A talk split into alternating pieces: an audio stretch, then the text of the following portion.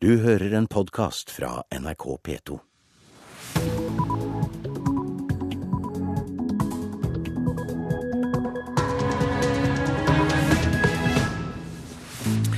Velkommen til Nyhetsmorgen på P2 og Alltid nyheter. Nå klokka halv sju 2. februar legger vi vekt på bl.a. disse sakene. Fotballopptøyer drepte 74 og skadde 1000 mennesker i Port Said i Egypt. Mannen som ble skutt i Malmö denne uka var ikke en forbryter, det sier de som kjente ham. Tidligere helsetopp i Arbeiderpartiet kommer med krass kritikk av helseministeren.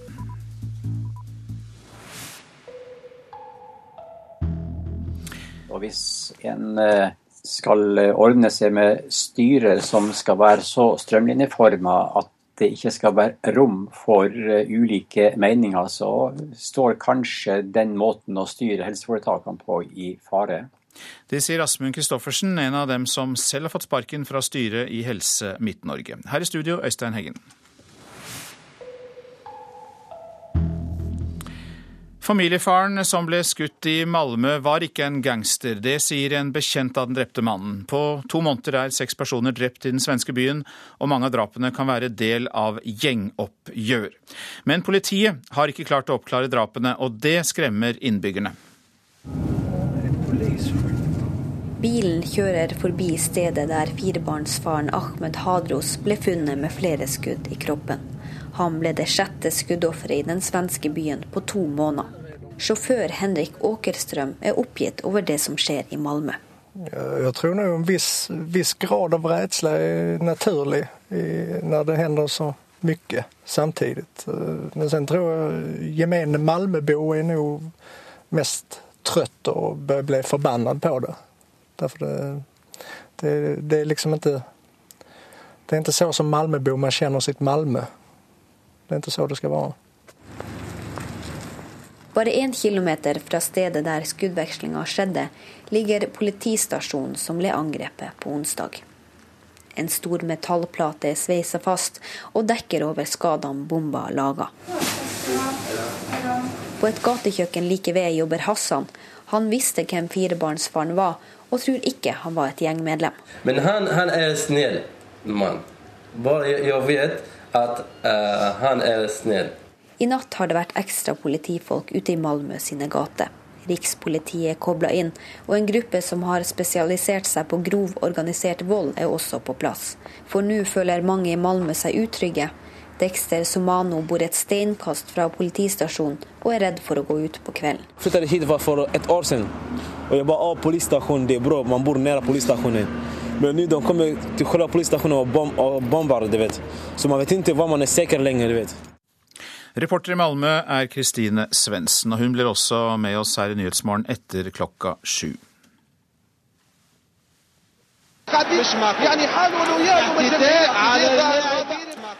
Fotballspillere og tilskuere måtte løpe for livet i Port Said i går. 74 mennesker ble drept og mer enn 1000 såret i opptøyene etter en fotballkamp i den egyptiske byen. Lederen av militærrådet, feltmarskalk Mohammed Hussein Tantawi, lover at de ansvarlige bak onsdagens eh, tragedie skal eh, finnes og stilles til ansvar. Og hva er de siste informasjonene du har nå på morgenen, utenriksmedarbeider Nina Bull Jørgensen? Eh, ja, nå, nå, vil nasjonalforsamlingen i landet i dag holde et krisemøte for å prøve å finne ut hvem som står bak eh, disse brutale opptøyene i går. Eh, og, og de lover at da de ansvarlige skal stilles til ansvar. Det er nå over 70 mennesker drept og mange skadet som ligger på sykehusene. Eh, ja, og det, og det spekuleres nå i politiske motiver bak eh, opptøyene. Eh, hva ligger i dette med politiske motiver? Eh, Fotballsupporterne til dette laget, Al-Ali, som kommer fra Kairo, som ble angrepet, de skal visstnok ha vært blant de ivrigste demonstrantene mot det militære styret i landet. Og nå sies det at Politiet de bare sto og så på, de gjorde ingenting. De har fått beskjed om å ikke gripe inn mot sivile. Dette etter eh, de siste blodige sammenstøtene før jul på Tahrir-plassen, der over 40 sivile ble drept. Eh, men nå sier mange hvorfor gjorde ikke politiet noe? Hvorfor ble disse supporterne slaktet ned i går? Det spør man seg. Du følger med på denne saken, Nina Bull Jørgensen. Takk skal du ha i denne omgang. Så til dagens aviser og deres forsider. Kvinner på Stortinget blir kjønnshetset, er oppslaget i VG. Lammekjøtt, jentunge, lille venn og muslimhore skal være noen av uttrykkene som har vært brukt. Høyrevelgerne er mest gavmilde, skriver Vårt Land. Over 45% av dem åpnet lommeboka for humanitære formål rundt jul i fjor. SV-velgerne kaprer andreplassen, mens Venstres og FrPs velgere var minst gavmilde. Skiløperen Kristin Størmer Steire er for tynn og har fått startnekt til verdenscupen i Rybinsk i Russland, skriver Dagbladet. For mye trening, for lite mat og et samlivsbrudd er årsakene, forteller Størmer Steira selv til avisa.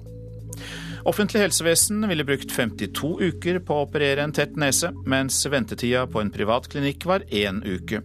Aftenposten skriver i dag om en av mange pasienter som får behandlet vanlige plager raskt på private sykehus. Nordiske LO-topper advarer sosialdemokratene mot å jakte på høyrevelgere, skriver Klassekampen.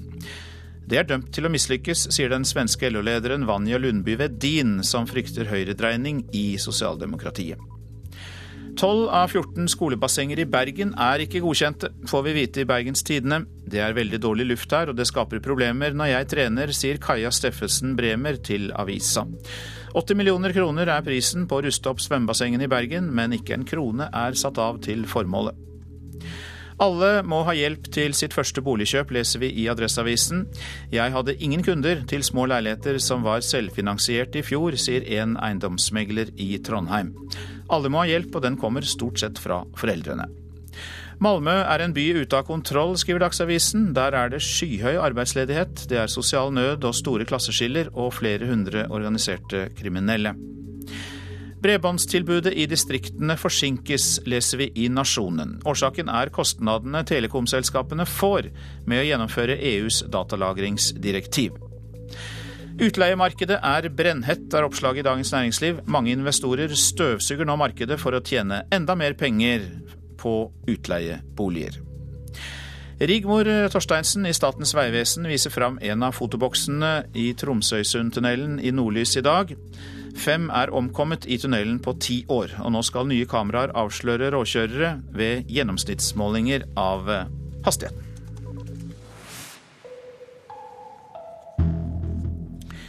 I fjor var nesten 300 000 nordmenn uten arbeid i en periode. Likevel registrerte Nav at de aller fleste som mistet jobb, raskt fikk ny. Men de 86 ansatte i fiskeribedriften eh, Domstein Måløy i Sogn og Fjordane ser mørkt på å skaffe seg nytt arbeid. Denne uka kom beskjeden til Tove Svendsen og kollegene. Arbeidsplassen flyttes ut av landet. Eh, her er veldig mange som har jobba veldig, veldig lenge. Godt over 20 år, 30 egentlig ikke så veldig mange under ti år. Deler av fiskeindustrien i distriktene rammes nå hardt av finanskrise og lønnspress. Fisken fra havet utenfor skal foredles billigere i Polen og Litauen. Jeg ser det som liten sjanse på at eh, langt over alle får seg en jobb. Sier Domstein-ansatte Tove Svendsen. Hun er mangeårig medarbeider og tillitsvalgt i Domstein Måløy. Til tross for at Nav var raskt på plass for å hjelpe de 86 oppsagte ved bedriften. Det er lite Nav kan hjelpe oss med, sier hun. Den dagen vi fikk oppsigelsen mandag, så begynte allerede folk å ta kontakt. Men det er ikke mye hjelp å få med Nav. Jeg kan ikke svare på spørsmålet. Kan folk som trenger det, forvente at de får den hjelpen de trenger på Nav, hvis de trenger ekstra bistand? Det er ikke alle som klarer dette selv. Nei, men det, vi ser at det er veldig mange som klarer det selv. Og vi ønsker jo at flest mulig skal kunne klare det selv, ved hjelp av at man bruker nav.no, legger inn CV-en sin, at arbeidsgiverne lyser ut ledige stillinger osv. Sier arbeids- og velferdsdirektør Joakim Lystad. Men de som trenger ekstra bistand, ønsker vi å kunne prioritere. Har du mer tid til det nå? Vi klarer å følge opp flere enn det vi gjorde tidligere, og Nav blir stadig litt bedre. Han sitter over 500 km unna fiskefabrikken i Måløy, men ser stort på det. Det er mange som går ut av arbeidsledigheten. Går ut av arbeidsledighet, og Mesteparten går til arbeid, noen går til utdanning, og noen går kanskje over på alderspensjon. Nesten 300 000 personer registrerte seg arbeidsledige i fjor. Det vil si en tidel av arbeidsstyrken i landet. Men de forsvant fort igjen i statistikken. Og Nav regner med en midlertidig økning i antall ledige i år, men at enda flere vil gå ut av ledighetskøen utover året. Kvinnene på fiskefabrikken, for to og tre av dem er kvinner, vil ikke drikke kaffe resten av året. De har bedt konsernsjefen og ordføreren i kommunen stille på allmannamøte neste onsdag for å hjelpe dem å få nytt arbeid. Det første vi nå skal gjøre Jeg satt faktisk og jobba med det nå du ringte, da. Jeg har i dag invitert ordfører og eh, konsernsjefen vår, eller sjef, høyestesjefen vår, Rolf Domstein, til møte, allmannamøte på onsdag. Tillitsvalgt Tove Svendsen har fortsatt en jobb å gjøre. Folk har følt seg tryggere. Vi har hatt en kjempegod arbeidsplass. Og de har følt seg trygge og egentlig tenkt på hva jeg gjør jeg nå, må jeg flytte på meg. Så langt har ikke folk tenkt. Reporter Hedvig Bjørgum. Arbeiderpartiets tidligere helsetopp på Stortinget kommer med krass kritikk av helseministeren, for den siste uka har statsråden gjort store utskiftninger i styrene i helseregionene. Tidligere stortingsrepresentant Asmund Kristoffersen mener at dette kan gi byråkratene mer makt i Helse-Norge. Utskiftinger kan også styrke administrasjonens makt. Ap-politikeren er sjøl en av de som har fått sparken fra styret i Helse Midt-Norge. Utskiftingene gjør at mange kjenner seg tilsidesett. Hele systemet kan stå i fare, mener han. Det kan føre til at du får en opposisjon både imot minister og, og imot selve systemet. Så en skal være litt eh, mer ydmyk overfor den jobben som er gjort i, i styrene. Kristoffersen var helsepolitisk talsmann for Ap, og helt sentral da systemet med helseforetak ble vedtatt på Stortinget. Han var da opptatt av å ha politikere og debatt i helsestyret. Min agenda er å, å ha politisk kontroll over en så stor og viktig sektor som helsesektoren er. Når et helsestyre får sparken pga. diskusjoner og politisk usemje, frykter han styringa av sykehusene er på vei bort fra en demokratisk tankegang hvis en reindyrker en, en, sånn businessmodell, så vil det være veldig uheldig. fordi jeg tror ikke helseområdet står seg i framtida med en sånn styringsmodell der en eh, ikke legger vekt på samfunnsansvaret samfunnsansvar og de demokratiske aspektene. Helseminister Anne Grete Strøm Eriksen fra samme parti som Christoffersen mener ikke hun er på vei bort fra demokratiet. Nei, det er jeg helt uenig i eh, at dette er en business-tankegang. Det er viktig både for administrasjonen eh, og ikke minst for styret at de gjennomfører den helsepolitikken som Stortinget legger rammene for. Reporter eh, Håvard Grønli og Bent Høie, du har kommet til oss på morgenen. Du er helse- og leder av helse- og omsorgskomiteen på Stortinget fra Høyre. Og um, har Christoffersen rett? Ja, Han har et veldig godt poeng at når en får helt nye styrer, eh, og det er ingen kontinuitet, så vil makten til byråkratene øke. Det har han helt rett i. Nå mener jeg at det å oppnevne politikere til disse styrene med partiene bak egentlig bare er et eh, skinndemokrati. Fordi at eh, det, deres oppgave vil jo være å utføre den helsepolitikken som til enhver tid helseministeren står for. Eh, og så blir en lagende et inntrykk av at dette er demokratiske styrer, men det er det altså ikke. Men hva mener du med demokrati i helsevesenet? Jeg mener at vi burde hatt en nasjonal helseplan. Nå viste jo helseministeren til den, som faktisk inneholdt tydelige føringer for hvordan helsesektoren i Norge skal se ut. Det har vi ikke i dag. Den nasjonale helseplanen er bare en generell beskrivelse av helsevesenet. Og dermed så overlater han veldig mye makt til helseministeren og til, til byråkratene. Og veldig lite makt til Stortinget og veldig lite makt til disse styrene. Men hvis vi ser konkret på dette tilfellet her, så har man byttet ut styret for uh, helseforetaket Helse Midt-Norge. Uh, det virker jo ganske logisk. Hvis de ikke gjør som helseministeren vil, så bytter man dem ut. Ja, det, og det er helt logisk. og Dermed så burde en bare latt være å lage et inntrykk av at dette var politiske styrer. Det er det ikke. En burde fjerne hele ordningen med settepartiene bak og sagt at dette skal være profesjonelle styrer som har som oppgave å utøve den helsepolitikken som, eh, som helseministeren eh, har bestemt. Og så eh, mener Høyre at vi har verken behov for de regionale helseforetakene, og vi har behov for å få en nasjonal helse- og sykehusplan til Stortinget som gjør at mer makt på det som er politikk, flyttes til Stortinget så kan driften og det daglige ansvaret flyttes til reelle styrer som er på sykehusene og ikke på regionalt nivå. Men du mener da altså at fagfolkene de vet best, men de kan jo se seg blinde på tall og ikke lytte til de politiske signalene, hvis du får det som du vil? Nei, jeg mener ikke at fagfolkene vet best, for de politiske spørsmålene bør i større grad avgjøres i Stortinget. Men den daglige driften som handler om virksomheten, den bør gjøres, bestemmes nærmere de som jobber på sykehusene og, de, og pasientene. I dag har vi et mellomnivå som heter regionale helseforetak som, eh, som egentlig eh, ikke har eh, noe Som ikke burde hatt den rollen som de har i dag. For det utvikles egentlig litt ulike helsepolitikk i, i, i landet. Og vi ser òg at de i disse styrene som prøver å mene noe annet, de blir jo nå skifta ut. Så, så et skinndemokrati skaper bare frustrasjon og problemer. En burde hatt rene linjer. Helsedebatten den eh, går videre. Bent Høie var det, leder i eh, helse- og omsorgskomiteen på Stortinget fra Høyre. Takk skal du ha.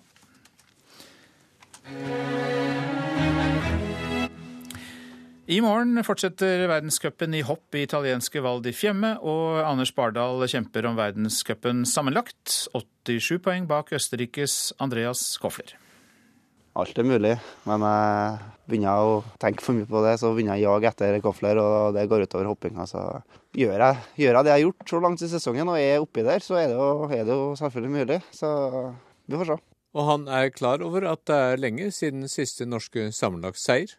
Ja, det, det, er mange år siden. Det er jo snart 20 år siden. 18, 18 år siden, kanskje. 18 år, Espen Bredesen 1994, og i tillegg til ham Vegard Oppås 1987.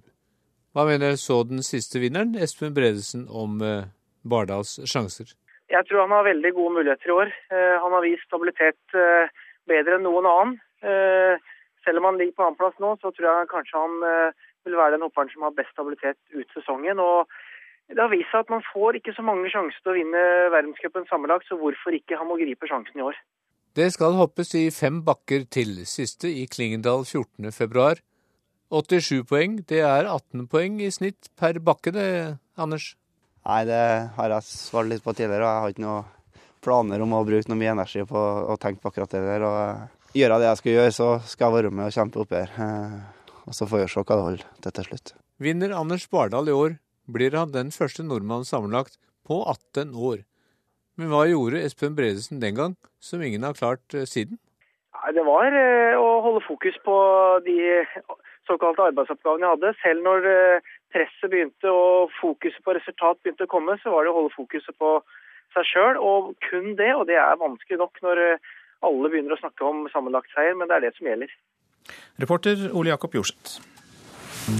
Du lytter til Nyhetsmorgen, og klokka går mot 6.48. Dette er hovedsaker. Fotballopptøyer drepte 74 og skadde 1000 mennesker i Port Said i Egypt i går. Helseministeren får som vi hørte kritikk for sine utskiftninger av styrer i helseregionene, både fra en tidligere helsetalsmann for Arbeiderpartiet og fra Høyre. Twitter og Facebook utfordrer det norske språket. Skal vi si firkantemne eller hashtag? Og hva mener Språkrådet? Snart mer om dette i Nyhetsmorgen. Men først om 2000 hunder og 200 hardbarka kvinner og menn Femundløpet er landets største konkurranse for trekkhundkjørere, og i år også med et langdistanseløp for juniorer fra hele Europa.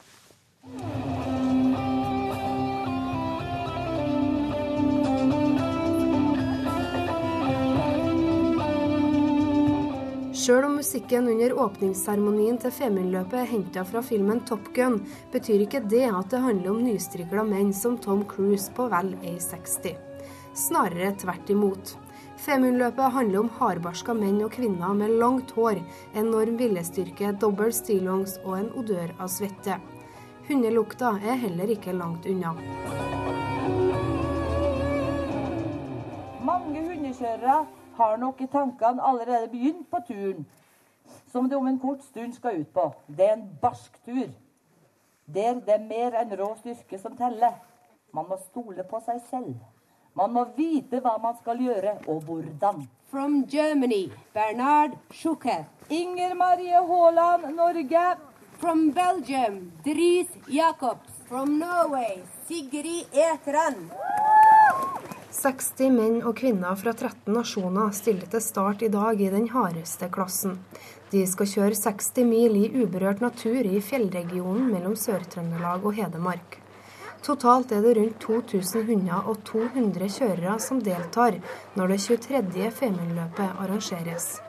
Det nye i år er at ungdommer mellom 15 og 17 år får være med. Helt siden vi fikk beskjed om at eh, det ble juniorløp, så har jeg gleder meg hver eneste dag. Men nå blir det nerver når jeg kommer. Jeg er veldig spent, men uh, attåt så gleder jeg meg veldig, da.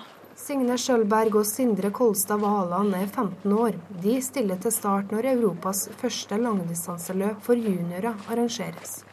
De skal sammen med 14 andre ungdommer tilbakelegge 15 mil i vill natur og bitende kulde. Jeg tror det bare blir tøft å være ute i villmarken prøve å bare være rolig og bare tenke at det her går bra. Har du noen slags formening på hva det er du gir deg ut på? Jeg har jo ikke kjørt så langt før, så jeg har jo aldri prøvd det, så jeg vet jo ikke hva, helt hva jeg begir meg ut på, nei. Hva tenker du om det? Nei, jeg syns det blir veldig spennende å få prøvd, prøvd det. De skal kjøre med seks hunder som de har trent med siden i høst. Men verken Signe eller Sindre har egne hunder. For økonomi er jo en bit av bildet. Denne idretten koster. Og for de to 15-åringene har det gått hardt utover konfirmasjonspengene. Jeg har jo veldig snille familiemedlemmer som eh, bidrar, og så har det gått hardt utover eh, konfirmasjonspengene, altså. Begynner å bli tomt, ja.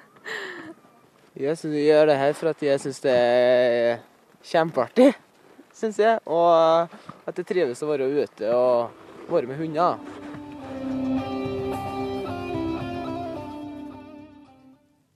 Reporter var Kaja Kristin Næss. Firkantemne eller hashtag, hvilket av disse uttrykkene er det beste? Det er et av spørsmålene for 40-årsjubilanten Språkrådet. Nye teknologitjenester som Twitter og Facebook gir rådet nye utfordringer. Det er bortkastet tid å fornorske så lenge de engelske uttrykkene fungerer fint. Det mener Unge Venstre. Ja, her har vi noen eh, engelske ord da, som, eh, som eh, får ulike datatekniske ting. Teknologien er i stadig utvikling. På kontoret sitt blar direktør Arnfinn Maurevik Vonen i Språkrådet gjennom lister med engelske ord han gjerne skulle sett få en norsk variant. Vi har noe som kalles push technology og pull technology. I tillegg gir det sosiale nettstedet Twitter direktøren utfordringer. Ved å plassere det skrå nummertegnet på tastaturet foran et ord, lager man en såkalt hashtag. Dette er et nøkkelord som oppsummerer innholdet i meldingen, og som også er søkbart. Denne her firkanten, eller eh, skigarden, eller hva han kalles for, da, dette tegnet som innleder en hashtag, det har i seg selv mange mulige norske navn. Man kunne jo tenke seg eh, sånne ting som oppslagsord eller søkeord eller firkantord eller firkantemne eller det, det, det, det, er mye, mye fantasien kan eh, åpne for. Å drive og finne på nye norske ord for engelske ord som fungerer fint på norsk, det syns jeg er bortkasta tid. Det sier Sveinung Rotevatn, profilert Twitter-bruker og leder av Unge Venstre. Det finnes engelske ord som trenger norske erstatninger, men jeg tror ikke at eh, hashtag er det fremste eksempelet på det, bare fordi det er et ord som er mye brukt akkurat nå. Mange voksne tenker, tenker at ungdommen bruker engelske ord for de syns det er kult. Jeg tror ungdommen bruker ord som de syns er naturlig å bruke, eh, og som lar seg fint eh, kombinere med den dialekten de måtte ha. Vi nordmenn er flinke å bruke engelsk, og vi, vi, det har begynt å gli over i hverandre mye uansett. Jeg tror ikke nødvendigvis det er så veldig negativt. Når NRK spør et knippe ungdommer i Oslo sentrum hva de synes om Språkrådets mulige hashtag-alternativer, er de fleste enige med Unge Venstre-lederen. Jeg vet ikke om det er, eh, om det er vits å bruke tid på det. Bortkasta tid. For vi kommer til å bruke hashtag uansett. Nei. Det hørtes helt dust ut. Blir som at man skulle sagt fjesbok istedenfor Facebook. Man er for vant til eh, amerikanske ord. Språkrådsdirektør Arnfinn Vonen holder på at fornorsking er viktig. Av hensyn til eh, vår eh, alles mulighet til å delta i, i, samfunnsdebatten. De norske språkbrukerne som ikke er så gode i engelsk at de kan følge med på en, på en slik fagdebatt på engelsk, kan bli utelukka fra debatten, og dermed har vi et demokratisk problem. Reportere Gjermund Jappé og Ina Strøm. Nationaltheatrets praktbygg i Oslo sentrum skal pusses opp, men prislappen blir høy, nærmere 900 millioner kroner. De prioriterer ikke vedlikehold, ja det er anklagen fra kulturminister Anniken Huitfeldt mot de norske kulturinstitusjonene. En total oppussing av Nationaltheatret blir dyr, men er nødvendig. Det mener Ib Thomsen i Fremskrittspartiet. Vi snakker om et sted eh, mellom 700 og 900 millioner. Det sier administrerende direktør Øyvind Christoffersen i Statsbygg. Nationaltheatret er i dårlig forfatning og må pusses opp.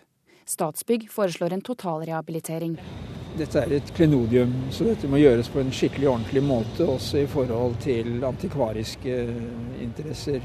Her oppe er det jo noen eh, skader, og så er det jo en del takkonstruksjon som ikke vi ser herfra. Og så er det også eh, skader på fasaden rundt hele bygget. Fuktskader, slitasje og utdaterte tekniske anlegg er bare noen av problemene i den fredete bygningen. I forrige tilstandsrapport fra Statsbygg i 2010 ble kostnadene vurdert til å ligge inntil 675 millioner kroner. Ifølge den nye, grundigere analysen kan det altså bli ytterligere 200 millioner kroner dyrere å pusse opp. Vi har gått gjennom og analysert hva skal til for å, å gjøre det maksimale og optimale. Så får man jo vurdere hvilket ambisjonsnivå man skal legge seg på hvis man går i gang med det virkelige prosjektet. Kulturminister Anniken Huitfeldt vil foreløpig ikke si om hun legger seg på det høye ambisjonsnivået til Statsbygg. Det kan jeg ikke si noe om nå. Det avhenger litt av vår dialog med Nationaltheatret. Men jeg er opptatt av at det skal pusses opp. Og at det skal bli bedre muligheter for de som jobber på Nationaltheatret. For det er klart det er store utfordringer knytta til å levere både tradisjonelt og moderne teater i en bygning som er freda, og som har et stort behov for oppussing. Det er vel en utfordring i mange kulturinstitusjoner er at vi ikke har tatt vedlikeholdsansvaret eh, på alvor. Fremskrittspartiets Ib Thomsen i Stortingets familie- og kulturkomité sier 900 millioner er mye penger, men at Nationaltheatret bør totalrehabiliteres, slik Statsbygg foreslår. Beløpet er høyt, eh, eh, men har vi noe valg? Altså Nå kan man ikke lappe mer på bygningen sånn som man har gjort i alle år. Nå må man ta totalgrep. Stenge bygningen, få teateret ut på veien, og så får man uh, gjøre en skikkelig jobb. Ifølge Thomsen har regjeringen sviktet sitt oppussingsansvar. Ja, Her ser vi mange regjeringer har sviktet over år når det gjelder vedlikeholdet av kanskje Oslos flotteste og viktigste, en av viktigste bygg. Kulturminister Anniken Huitfeldt sier hun vil se nærmere på forslaget fra Statsbygg, men at det ikke er klart når oppussingen av Nationaltheatret avgjøres. Jeg skal se nøyere på den rapporten, og så skal jeg også diskutere med Nationaltheatret hva som er deres behov. Reporter Ida Kvittingen.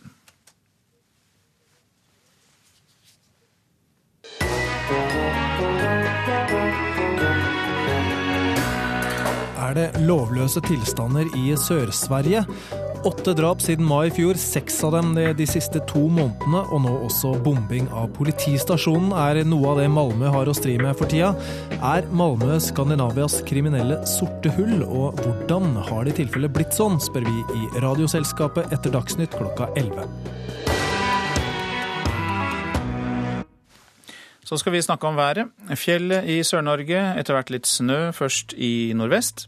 Østlandet på kysten nordøstlig perioder med frisk bris. Sør for Mjøsa litt snø av og til. Fra seint i ettermiddag også vest for Mjøsa, men ellers oppholdsvær på Østlandet. Telemark og Agder litt snø nær kysten øst for Kristiansand. I kveld østlig liten kuling på kysten vest for Lindesnes. Litt snø i Vest-Agder, men ellers oppholdsvær. Rogaland og Hordaland litt snø i Hordaland, på kysten sludd, ellers opphold. I kveld perioder med liten kuling. Så var det Sogn og Fjordane. Sørlig stiv kuling på kysten, ved Stad blir det sørvest sterk kuling. I kveld noe minkende vind. Litt snø blir det, og på kysten sludd. Møre og Romsdal sør og sørvest liten kuling utsatte steder. Stiv kuling på Sunnmøre. I kveld noe minkende og litt snø. Trøndelag sørøst stiv kuling utsatte steder. I ettermiddag øker det til sterk kuling. Først i nord. Litt snø av og til, mest i ytre strøk. Helgeland, Saltfjellet, Salten og Ofoten. Sørøstlig stiv kuling utsatte steder. I kveld litt snø i ytre strøk, ellers oppholdsvær. Lofoten og Vesterålen sørlig liten kuling utsatte steder. Fra i formiddag stiv kuling. I kveld sterk kuling ytterst i Lofoten. Oppholdsvær. Fra i ettermiddag kan det bli litt snø i Lofoten og Vesterålen. Troms sørlig periodevis sterk kuling utsatte steder. Oppholdsvær i kveld, muligheter for litt snø i ytre strøk av Troms. Kyst- og fjordstrøkene i Vest-Finnmark. Sørlig sterk kuling utsatte steder. Perioder med liten storm i øst og oppholdsvær. Finnmarksvidda sørvestlig liten kuling utsatte steder og opphold. Kyst- og fjordstrøkene i Øst-Finnmark. Sørvestlig sterk kuling utsatte steder. Perioder med full storm i nord. Oppholdsvær. Nordensjøland på Spitsbergen. Sørøstlig liten kuling utsatte steder og snø. Fra i ettermiddag sørvestlig periodevis sterk kuling og litt sludd og regn.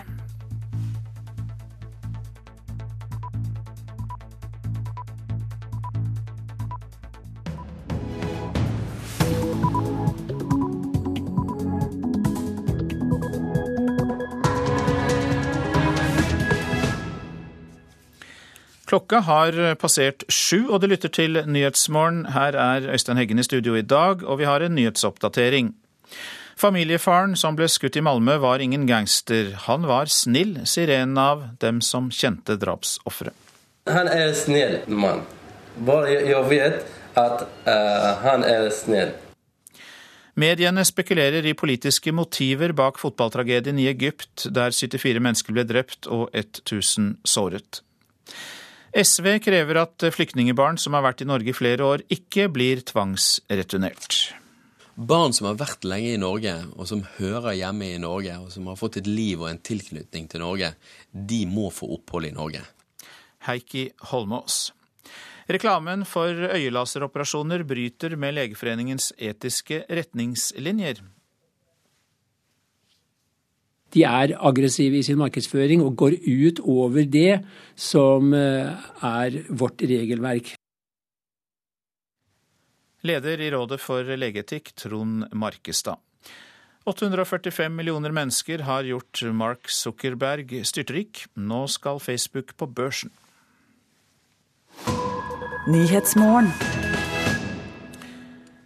Lederen av det egyptiske militærrådet, feltmarskalk Mohammed Hussein Tantawi, lover at de ansvarlige bak eh, gårsdagens fotballtragedie skal finnes og stilles til ansvar. 74 mennesker ble drept og mer enn 1000 såret i opptøyene i Port Said. Dette skal vi snakke med Sigurd Falkenberg Mikkelsen om eh, ganske snart, men vi har ikke kontakt med han i øyeblikket. Men det har vi med Kristine Nilsen, du er i Malmö. Og eh, lokalpolitikere der i byen kritiserer nå regjeringen for å ha gjort for lite for å stoppe volden i Sveriges tredje største by. Seks mennesker er da som kjent drept i skyteepisoder de to siste årene. Men eh, politiet har ikke klart å løse noen av disse sakene. Og så var det denne bomben mot et et politikontor i går. Eh, hva er nytt nå på morgenen, Kristine Svendsen? Ja, Nå ber politiet vanlige folk om hjelp til å oppklare de mange drapene, som politiet stort sett tror dreier seg om gjengoppgjør. De sitter da med åtte uoppklarte drap på bordet sitt, hvis vi eh, regner oss helt tilbake til sommeren.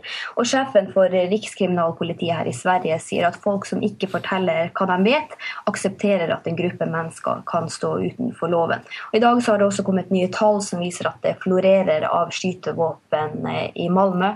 Antall anmeldte voldshandlinger der skytevåpen er brukt, er fordobla i byen de siste fem årene. Og Folk de kritiserer også politiet for å si for lite, for de frykter det betyr at politiet vet lite. Hvordan jobber politiet nå, vet du noe om det, Kristine Svendsen? Jeg vet i hvert fall at rundt 200 politifolk etterforsker de uløste drapene. I tillegg så er det mer uniformert politi i gatene. Og etter drapet på tirsdag og denne bomben mot en politistasjon, så har det kommet ytterligere politifolk til Malmö. Eh, Rikskriminalpolitiet har også sagt de har mulighet til å sende spanere og ordenspoliti hit hvis det trengs. Og sjefen for det hele for politiet i Sverige han sier at det ikke skal finnes noen økonomiske begrensninger. Ja, Dette er jo politiets arbeid, men så er det da sikkert også behov for tiltak for å få bukt med denne volden eh, på lang sikt. Eh, hva sier politikerne og samfunnet for øvrig om det? Lokalpolitikerne mener at våpenlovene må bli strengere. Har du et våpen og, og et ulovlig våpen og blir tatt med det, så skal du sitte i år i fengsel, mener de. Samtidig så kritiserer de regjeringa for at det har vært for lite satsing på politiet. Eh, lokalpolitikerne sier at de føler eh, avmakt, for det har jo vært mye politi her i Malmö den siste tida, og likevel så har det blitt skutt på åpen gate. Justisministeren hun sier at en eventuell ny våpenlov må være gjennomtenkt. Hun foreslår også at det skal bli lettere å avlytte telefoner og overvåke mistenkelige personer for å avdekke brudd på våpenloven. Og så etterlyser politiet bedre beskyttelse av vitner. Mange takk. Eh, ja, en ting til. Ja, nå i ettermiddag så skal politiet ha en pressekonferanse, så da får vi vite litt mer. Mange takk skal du ha, Kristine Svendsen. Du er vår reporter i Malmö. Nå til eh, Egypt, for militærrådet lover at de ansvarlige skal eh, finnes etter at 74 mennesker ble drept og mer enn 1000 såret i fotballopptøyene i Portside i går. Og Hva er de siste informasjonene du har, korrespondent Sigurd Falkenberg Mikkelsen? Nei, Egypt eh, våkner jo opp til eh, nok en eh, vanskelig dag. Det har vært mye sinne i Egypt etter det som har skjedd. Mye frustrasjon, og særlig da for denne mangelen på ordensmakt. Mye av dette sinnet retter seg også mot militærrådet, særlig da blant fotballsupporterne som er rammet av dette. Eh, og da skadde supportere og de andre som hadde kommet seg uskadd eh, gjennom kampen i Port Said, kom tilbake hit til Kairo i går kveld, eh, så ble det mye synging mot militærrådet. Som, som, da får skylden for denne manglende roen og manglende kontrollen over fotballstadion. Men mange sier jo at politiet var for passive da disse opptøyene brøt løs. Hva mer vet du om det? Ja, altså, Folk sitter jo og følger med på eh, fjernsyn eh, når det er storkamper, storkamper i Egypt. Eh, fotball er en utrolig populær sport. De sitter på alle kafeer rundt omkring i hele Egypt og fulgte jo, fulgte jo med disse kamp, fotballkampene. Og TV-bildene viser jo at opprørspolitiet ikke gjør mye. Det er enten fordi de ikke klarer, eller fordi de ikke ville. Men det er i hvert fall veldig mm, Eh, foruroligende å se hvordan eh, eh, supportere får lov til å jage spillere til spillertunnelen. Og da i etterkant, når vi vet at så mange ble drept, så er, jo dette en, er jo tragedien fullkommen. Supporterne til et av disse fotballagene skal jo ha vært aktive i opprøret mot egyptiske myndigheter. og ja, Ser man noen politisk forbindelse her? Ja, det er klart at det er mange som gjør det i, i Egypt. Uh, mange jeg har snakket med også. Uh, El Ali, som er laget som ble rammet av denne, denne katastrofen, det er det mest populære laget i Egypt. Det er det største laget.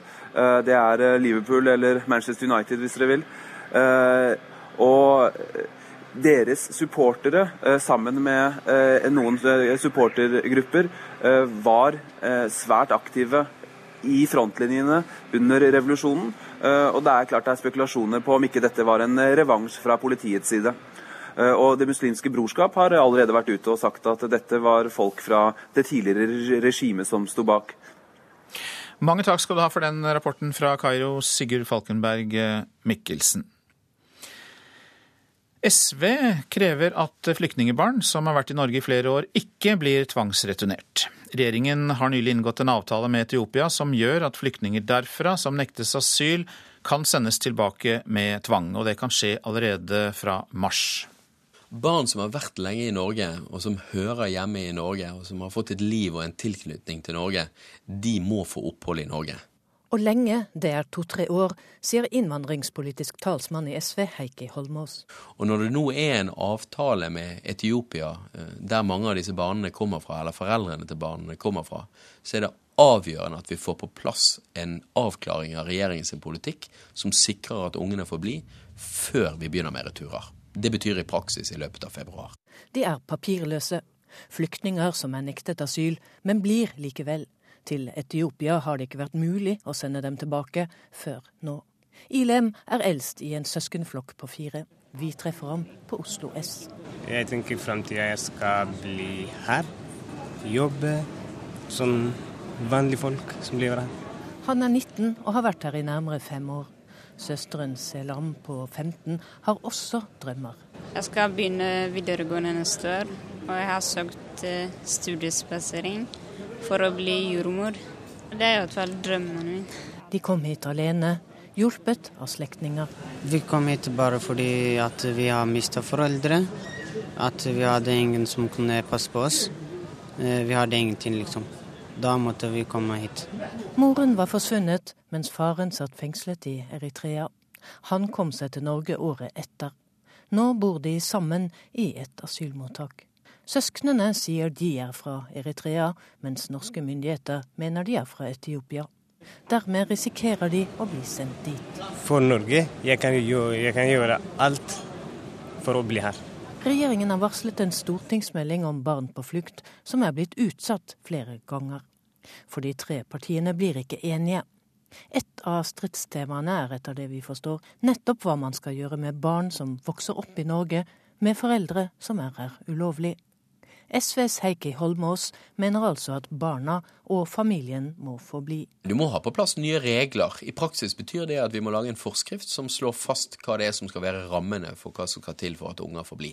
Statssekretær på Lønseth i Justisdepartementet viser til stortingsmeldingen som er underveis. Eh, og Der er det tungtveiende hensyn som taler for at en del barn skal få bli, men det er også tungtveiende innvandringsregulerende hensyn som taler i eh, andre retninger. Og Dette er en vanskelig balansegang. Og Det er ikke gitt at vi kommer til å justere eh, denne grensa slik den er i dag. Men eh, det er noe som vi har til behandling, og som vi må komme tilbake til Stortinget med. Sa Pål Lønseth fra Arbeiderpartiet, reporter Katrin Hellesnes. Det begynte ved Harvard-universitetet i 2004. Et opplegg for kommunikasjon mellom studenter. Nå er det 845 millioner brukere, og grunnleggeren Mark Zuckerberg er sannsynligvis verdens rikeste 27-åring. Mange har gjettet allerede. Vi snakker selvfølgelig om Facebook, som nå planlegger børsnotering. Og derfor er du her, Sigvald Sveinbjørnson. Du er redaktør for nettstedet digi.no. Så hvor mye er Facebook verdt? Ja, Det er et godt spørsmål, men de håper å få en verdsettelse på mellom 75 og 100 milliarder dollar. Hvis vi skal bruke dette over til norske kroner, så blir det mellom 450 og nesten 600 millioner eh, kroner. Hvorfor er eh, selskapet verdt så mye? Ja, altså, Det er veldig veldig høye forventninger til at dette selskapet kommer til å tjene kolossalt med penger i årene som kommer. Men i fjor, i 2011, så satt selskapet igjen med, 100, nei, med 1 milliard dollar på, etter å ha omsatt på 3,7 milliarder dollar. Og veksten fra året før og årene før der igjen har vært helt formidabel. Så det investorene selvfølgelig håper på, er at dette skal vokse videre og kraftigere. Og så har de fantasimarginer. Eh, når de tjener en krone, så sitter de igjen med veldig veldig mye. Det er lave kostnader på per krone som er tjent. Men hva i all verden tjener de på når vi sitter og fikler på Facebook, noen hver av oss? Nei, De tjener basically på oss. Det er vi brukerne som er produktet deres. Og Det er liksom det fine for Facebook, men som kanskje ikke vi tenker nok gjennom. De kan nemlig treffe alle oss uh, hundrevis av millioner brukere med veldig målrettet reklame. For de vet så mye om oss. De vet når vi skal gifte oss. De, vet, altså de, de, de har så mye informasjon. Uh, og den informasjonen selger de da til annonsører som er villige til å betale mye for å kunne vise deg den akkurat den riktige annonsen akkurat der og da. Men så er det også håpet at de kommer til å få andre nye inntektskilder, basert på at uh, dette er uh, nå kanskje verdens største nettside, uh, og, og, har enorm trafikk. Hvem kommer til å kjøpe Facebook-aksjer? Ja, nå, nå, er det klart at de kommer til å hente inn 5 milliarder dollar. Og, og det er halvparten av det man hadde trodd på forhånd at de skulle hente inn. Eh, og køen for å skaffe seg et lodd i dette lotteriet kommer til å bli veldig veldig langt og kommer til å dra aksjekursen opp noe kolossalt, tror jeg. Eh, men jeg, eh, jeg tror at både store fond, men også spekulative aktører kommer til å kaste seg inn. Dette er et altså Får de en verdsettelse på, på, i det intervallet som jeg nevnte tidligere, så er dette et selskap som er større, som er verdt mer enn Statoil. Så det er ikke småpenger. Dette er et selskap som kommer til å gå inn eh, i porteføljen til de aller, aller største eh, aksjonærene i verden, inkludert Norsk oljefond. Det er nesten helt sikker på. Mange takk for at du kom hit, Sigvald Sveinbjørnson. Du er redaktør for nettstedet digi.no. Nå noen eh, andre meldinger fra næringslivets verden. Konkurransemyndighetene i EU sier nei til den planlagte fusjonen mellom Deutsche Børse og New York Stock Exchange, skriver Dagens Næringsliv. Europakommisjonen mener de to selskapene ikke kunne møte kravene om å kvitte seg med virksomheter for å ikke bli for dominerende. En sammenslåing ville ført til verdens største markedsplass for omsetning av aksjer og verdipapirer. Den franske flyprodusenten Dessau er i samtaler med det indiske forsvarsdepartementet om levering av 126 jagerfly av typen Rafael, skriver Finansavisen. Går avtalen i boks, vil det bety omtrent 11 milliarder euro inn i kassa til den franske flyprodusenten. Og Dere lytter til Nyhetsmorgen. Klokka går mot kvart over sju. Dette er hovedsaker. Egypterne er sinte på militærrådet etter fotballtragedien i Port Said i går. Malmö-politikere kritiserer regjeringen for ikke å gjøre nok for å stanse volden i byen. Og SV vil hindre at barn som har vært i Norge i flere år, blir tvangsreturnert.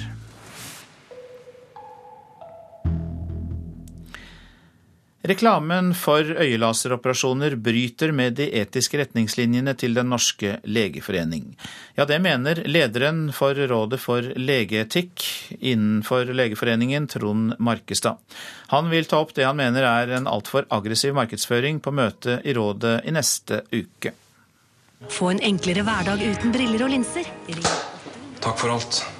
Ønsker du et liv uten briller og linser?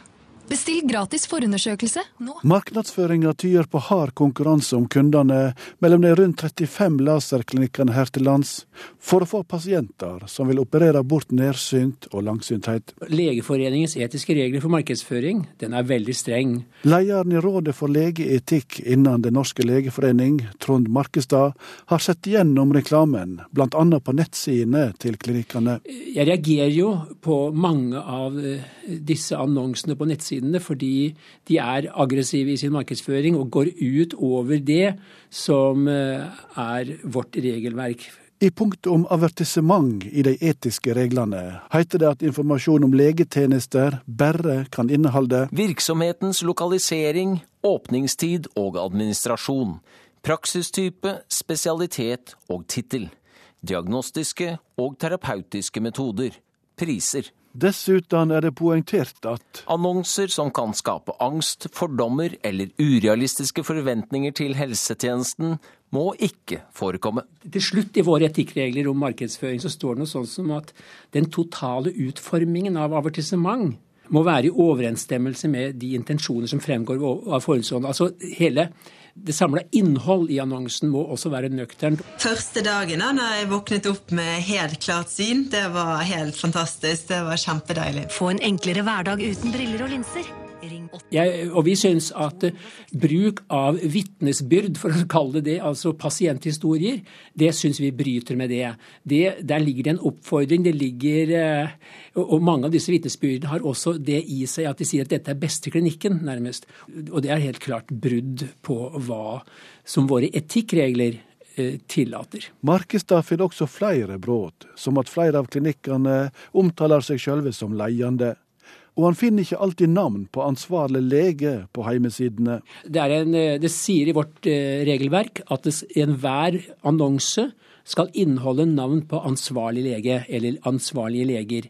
Og det mangler på mange av disse her. Lederen i Etikkrådet sier at han har mistanke om at flere av de store klinikkene leier reklamebyrå i markedsføringa.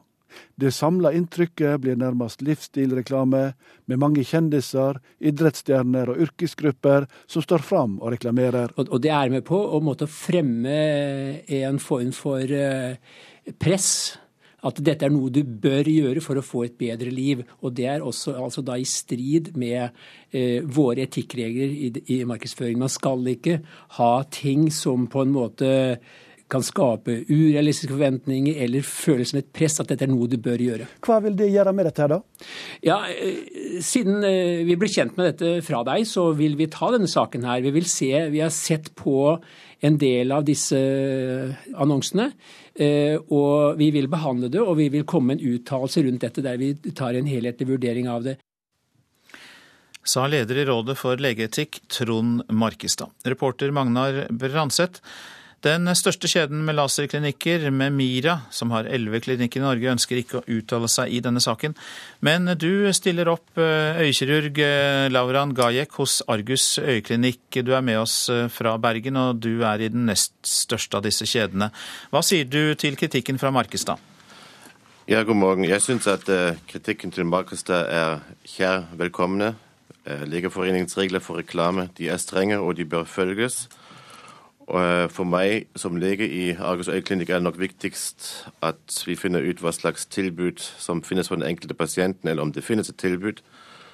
Og så sørge for at det utøves på en best mulig måte, å informere pasienten om valgene som finnes, bivirkende komplikasjoner og en brille eller kontaktlinse. Det er slett ikke uforenlig med et lykkelig liv. Nei, nettopp. Men eh, hvis man leser disse etikkreglene fra Legeforeningen, som vi hørte litt om i innslaget her, så står det jo også at eh, annonser som kan skape angst, urealistiske forventninger til helsetjenesten, må ikke forekomme. Og eh, man får jo ikke akkurat inntrykk av det når man ser og hører veldig fargerike og optimistiske reklamer fra dere og andre. Ja, det er nok riktig, men det er nok et spørsmål hvordan du definerer reklame, og at man lover perfekt syn mot 400 og noen avdragsfrie kroner per måned, det er noe annet enn å lage en realistisk presentasjon av en klinikk og behandlingen av bivirkninger og komplikasjoner. Eh, jeg er nok enig med Markestad at det tar seg bedre ut med nøkternhet enn med en aggressivitet. Eh, men jeg ville være uenig om at det skaper angst eller et press mot bedre liv. Tror du at eh, det er nødvendig for Argus å være mer nøkterne i sin reklame? Ja, jeg syns at det er veldig eh, viktig at man har en gjennomgang av reklamen som eksisterer, og at man eh, legger til grunn de reglene som finnes i Legeforeningen.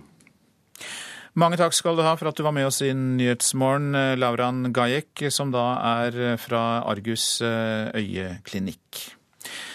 Nå til Iran, for regjeringen der mener at opprøret mot Syrias president er iscenesatt utenifra av bander støttet fra Vesten. Det er slik at Iran og Syria er allierte, og i Teherans gater hviskes det om at dersom Assad faller i Damaskus, får det også konsekvenser for regimet i Iran.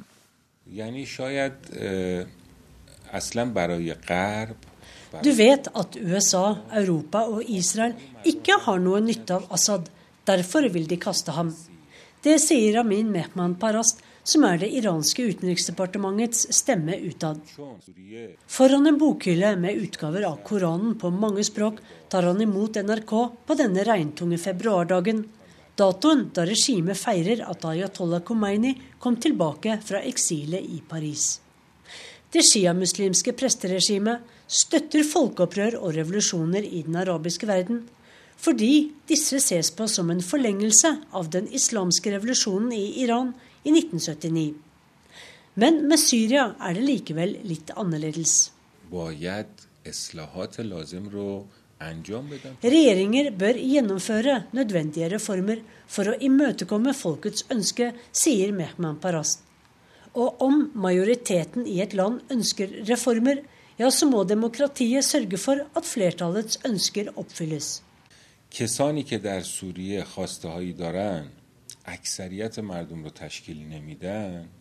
Men i Syrias tilfelle er det bare et mindretall som gjør opprør, og vi ser at bander utenfra har blandet seg inn og utfører terroraksjoner i landet. Og dette er gjenger som støttes av Vesten, mener den iranske talsmannen.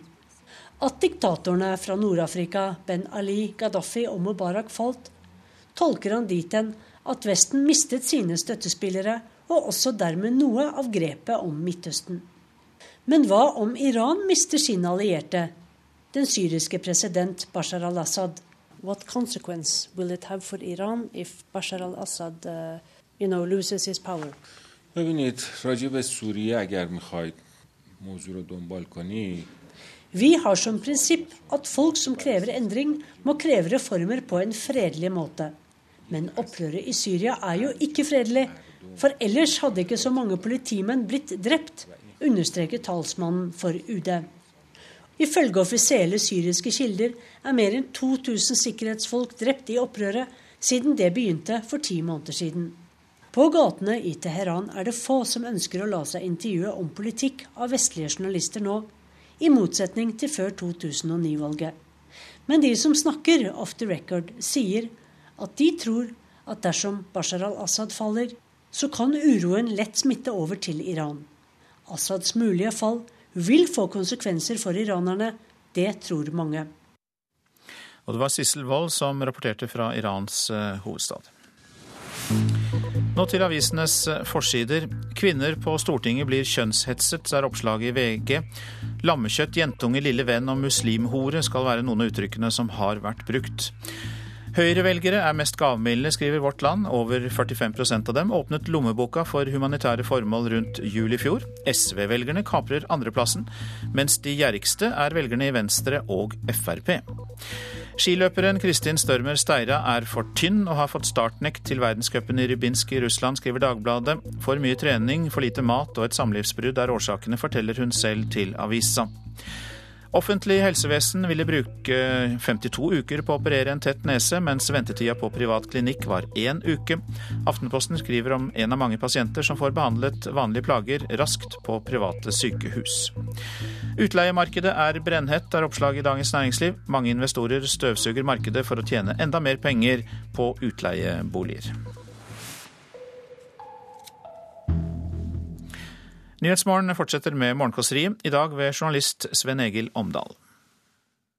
Blant de mindre kjente folkevandringer er rogalendingenes migrasjon mot sørlandske svaberg og holmer.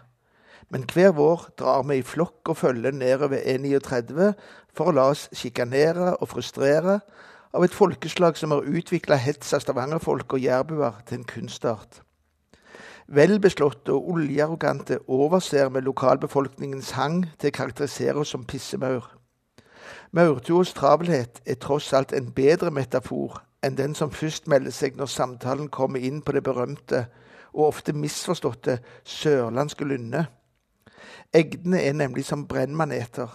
De dukker først opp når det blir varmt i været. De kan være ganske giftige, og de beveger seg ubegripelig langsomt. Dessuten er de ikke enkle å forstå. Det vet alle som har kjøpt et mål ellers ubrukelige natur mellom Flekkefjord og Risør, og forsøkt å gjøre forretning med de innfødte, f.eks. For, for å få oppført ei hytte.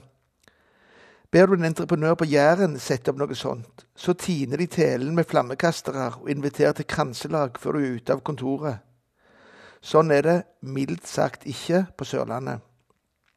De er ganske gode til å lø ved hvis de bare får seg et par sesonger. Men de klarer ikke å stable sammen et definitivt og begripelig svar om du så hadde trua de med inndra trygda eller skattlegge countrymusikk. Etter konsultasjon med de beste lingvister i landet har jeg omsider funnet ut hva ja heter på sørlandsk. Eller snarere hva slags omskrivninger sørlendingene bruker for å unngå å si ja. Uansett hvor enkel forespørselen er, lyder nemlig svaret vi får se til uka. Er det et ja? Det ordner seg nok. Altså sier du ja. Jeg skal gjøre det jeg kan, men jeg kan ikke love noe. Ryktene om sørlendingens sterke forhold til Bibelen er et annet propagandaknep som de sjøl har tenkt ut. Antagelig på det samme seminaret hvor de fant på slagordet om det blide Sørlandet. Som oftest er de ikke blide i det hele tatt. De har bare en genetiske særegenhet som gjør de innoversinte. Det som på utsida ser ut som et smil, er egentlig en grimase sett bakfra. Virkelig blide er de bare hver gang de sender faktura til et postnummer i Rogaland. Og Skriftens ord om at deres tale skal være ja, ja og nei, nei, har de aldri hørt om. De er faktisk oppsiktsvekkende gode til å si alt annet enn ja, ja og nei, nei. Her er en dialog som alle rogalandske hyttebyggere kan utenat. Kommer snekkeren i gang snart? Det skulle ikke forundre meg. Er det et ja? Jeg skal ta og stikke hen til han en kveld og høre når han kan begynne. Er det et nei? Det ordner seg nok. Men nå er det fire år siden vi støpte grunnmuren, og siden har vi jo venta på snekkeren. Ja, kan du skjønne når tida blir av? På en måte er det jo litt søtt, men bare på samme måte som den italienske aksenten til Corleone-familien er morsom for de som ikke må forholde seg til mafiaen i hverdagen. Når sørlendingen ringer for å si at han trenger to måneder til på det han skulle gjort i forfjor, er det ikke like lett å bli begeistra over etniske særegenheter. Utålmodige jærbuer som var enfoldige nok til å kjøpe hyttetomt i nærheten av Kristiansand, blir stadig minnet om den gamle observasjonen at kristiansandere bare er setestøler som kom for seint til amerikabåten. De har en rørlegger der nede som bare omtales som Jesus fra Flekkerøy. Han har lovt å komme igjen, men det er ingen som vet når han kommer. Det kan være søskenbarnet hans jeg måtte forhandle med. Jeg trenger noen armeringsjern for å komme videre.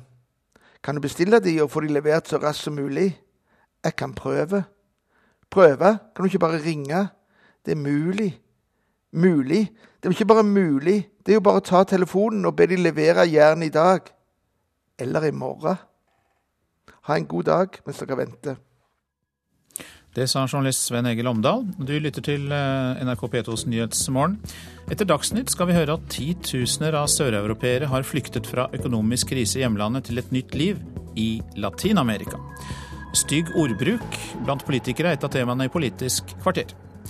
Produsent for Nyhetsmorgen i dag, Kari Bekken Larsen. Her i studio, Øystein Heggen. Og nå Dagsnytt.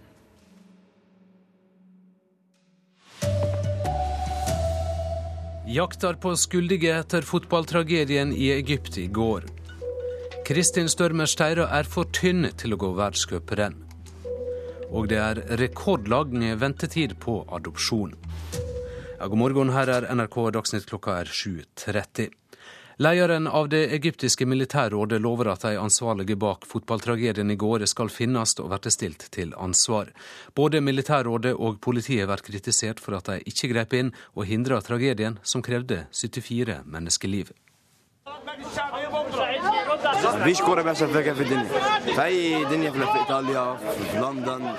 Hvor var politiet? De bare sto der og så på, sier denne fotballsupporteren fra Kairo-laget Al-Ali.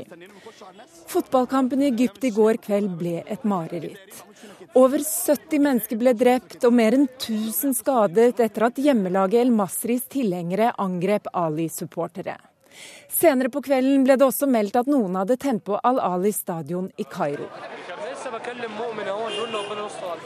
Sinte fotballsupportere og politikere mener det var politiske motiver bak opptøyene. Bl.a. skal tilhengerne av Al-Ali ha vært blant de ivrigste demonstrantene mot det militære styret i landet. Det sies at politiet hadde fått beskjed om å ikke gripe inn, og sinte demonstranter påstår til og med at militærrådet hadde en usynlig hånd med i opptøyene. Tribunevold er ikke et ukjent fenomen på fotballtribunene i Egypt. Men gårsdagens hendelse er den blodigste og verste i landets historie. Og militærrådet har erklært tre dagers landesorg. Reporter var Nina Bull Jørgensen. Og korrespondent Sigurd Falkenberg Mikkelsen, du er i Egypt. og Hvordan er reaksjonene der på fotballtragedien i går? Nei, Her er jo folk eh, både ufattelig triste og også svært eh, sinte etter det som har skjedd. De skjønner jo ikke hva, hvordan dette var mulig. Det har vært mye vold på eh, egyptiske fotballbaner tidligere, men dette har jo dimensjoner som overgår alt annet man har sett der. Fotball er noe som folk følger med på. Matchene står på på alle kafeer, og særlig da El Ali, som er det aller mest populære laget så er det da mye sinne som rettes mot eh, politiet, men også mot militærrådet, for at ikke de klarer å opprettholde ro og orden. Og Dette skriver seg jo inn i en, inn i en sammenheng hvor folk er svært urolig for sikkerhetssituasjonen og en økende kriminalitet. Ja, Er det også en sammenheng mellom dette fotballbråket og det generelle opprøret mot egyptiske styresmakter? Eh, I hvert fall den følelsen av usikkerhet som holder på å bre seg. Eh, og så er det da spørsmålet om dette er villet, eller eh, at de bare ikke var i stand til å kontrollere gårsdagens, gårsdagens fotballopptøyer. Det er, eh, Da supporterne kom tilbake fra Port Said hit til Kairo i går, så ble det sunget sanger mot militærrådet. Og det er tillyst en marsj eh, etterpå, altså rundt, rundt, klokken fire lokal tid, mot innenriksministeriet. Og det er jo fare for at det kan bli mer vold knyttet til eh, dette. Takk skal du ha, korrespondent Sigurd Falkenberg Mikkelsen i Kairo. 28 av passasjerene er redda etter at ei ferje med rundt 350 passasjerer om bord trolig har gått ned utenfor Papua Ny-Guinea i Stillehavet. Det melder australsk kringkasting. Reialaget skal ha mista kontakten med skipet da det var mellom byene Kimbe på øya New Britain og byen La øst på Ny-Guinea. Familiefaren som ble skutt og drept i Malmö i går, var ikke en gangster. Det sier en som kjente mannen. På to måneder er seks mennesker drept i den svenske byen, og mange av drapene kan, kan, ha kommet som følge av gjengoppgjør. Dette skremmer innbyggerne, og politiet har ikke greid å oppklare drapene. Bilen kjører forbi stedet der firebarnsfaren Ahmed Hadros ble funnet med flere skudd i kroppen. Han ble det sjette skuddofferet i den svenske byen på to måneder. Sjåfør Henrik Åkerstrøm er oppgitt over det som skjer i Malmö. Jeg tror nå en viss, viss grad av redsel er naturlig når det hender så mye samtidig. Men så tror jeg gemene Malmöbo er nå mest trøtt og blir forbannet på det. Det er ikke så det skal være. Bare én kilometer fra stedet der skuddvekslinga skjedde, ligger politistasjonen som ble angrepet på onsdag. En stor metallplate er sveisa fast og dekker over skadene bomba laga. På et gatekjøkken like ved jobber Hassan. Han visste hvem firebarnsfaren var, og tror ikke han var et gjengmedlem. Men han, han er snill mann. Bare jeg vet at uh, han er snill. I natt har det vært ekstra politifolk ute i Malmö sine gater. Rikspolitiet er kobla inn, og en gruppe som har spesialisert seg på grov organisert vold, er også på plass. For nå føler mange i Malmö seg utrygge. Dexter Somano bor et steinkast fra politistasjonen og er redd for å gå ut på kvelden. Jeg flyttet hit for et år siden, og jeg bare politistasjonen. Det er bra, man bor nær politistasjonen. Men nå de kommer til selve politistasjonen og, bom og bomber, så man vet ikke hva man er sikker lenger. vet. Og reporter i Malmö, det var Kristine Svendsen. Kristin Størmer Steira blir nekta start i verdenscuprennet i Rybinsk i helga. Årsaka er at landslagsløperen er for tynn. Det er en startnekt, rett og slett, fra, fra helseteam og, og fagpersonell som, eh, som, har bestemt det. Det sier landslagstrener Egil Kristiansen. I dag reiser landslaget til verdenscup i russiske Rybinsk uten Kristin Størmer Steira. Hvorfor får Kristin startnekt? Nei, Det går på det her eh, i forhold til den nye retningslinjene eh, fra Olympiatoppen, som, eh, som går på det her med vekt, ernæring, denne biten der. Olympiatoppen la i fjor frem konkrete retningslinjer hvor det foreslås konkurransenekt for utøvere med spiseforstyrrelser eller som er for dårlig ernært. I Dagsrevyen i desember sa landslagslege Dag Lunder at flere løpere risikerte å få startnekt. Ja, det, I perioder så er det det. Så, så, det viktige her er at de, hvis de er i faresonen, så settes det ekstra fokus på det. Og så må vi se at de har den fremgangen vi ønsker. Og nå har en av våre topputøvere fått nekt da det ikke er helsemessig tilrådig å konkurrere. Hva er problemet til Kristin i forhold til matinntak og vekt? For, for flere av jentene så kan, kan, det være en utfordring periodevis altså, å få i nok eh, næring. Og også For Kristin så er det jo en del andre ting som har vært inne i bildet her nå, som, som gjør at dette her har vært litt vanskelig eh, akkurat nå. Til Dagbladet sier Kristin Størmer Steira at hun har hatt en tung vinter med dårlige resultater, sykdom og samlivsbrudd. Hun forteller at hun har vært langt nede både fysisk og psykisk, og at det har blitt svært lite med søvn og mat. Hvordan skal dere jobbe framover for å få Kristin tilbake på start? Kristin har jobba bra allerede og er på, på oppadgående, så det, det tror jeg skal gå veldig greit. Reporter Kristine Norvik Skeide. Reklamen for øyelaseroperasjoner bryter med retningslinjene til Legeforeninga. Det mener lederen for Rådet for legeetikk, Trond Markestad. Han vil ta opp i rådet det han mener er altfor aggressiv markedsføring. Øyekirurg hos Argus øyeklinikk, Laurean Gajek, hilser debatten velkommen, og sier at det er viktig med en gjennomgang av reklamen. Ventetida for å adoptere barn er i snitt på over fire år. Medan en adopsjonsprosess tok nærmere to år i 2005, må en familie nå i snitt vente over fire år. Leder i Adopsjonsforum, Øystein Gudim, sier at flere par nå trekker søknaden sin fordi ventetida er så lang. Det er klart at Har du stått i en adopsjonskø i utlandet i fire år, og så må søke helt på nytt igjen, og kanskje ikke vet om du blir godkjent på nytt igjen, så forstår jeg veldig godt at en del familier har valgt å, å, trekke seg. Så Vi har sett det de siste par årene. Særlig da ventetiden i Kina passerte fire år, så var det veldig mange som trakk saken sin. Og noen måtte trekke saken fordi de ikke lenger fikk godkjenning pga. f.eks. alder. På Vatne i Haram er det trilletur som står på programmet. Etter nesten seks år kom halvannet år gamle Vetle inn i familien Eidsvik Bigseth nå i januar.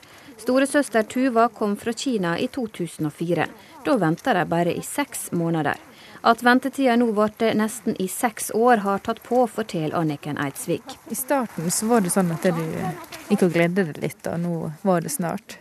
Men når det tok så lang tid, så må man bare stenge av på en måte. Late som at det, det ikke er noe. Ikke gjør klar noe rom, og ikke gjør klar til den ungen, for det blir så lang ventetid. I Kina har de endra praksis siden 2007. Kina prøver i større grad enn før å finne adoptivforeldre innenfor landet sine egne grenser.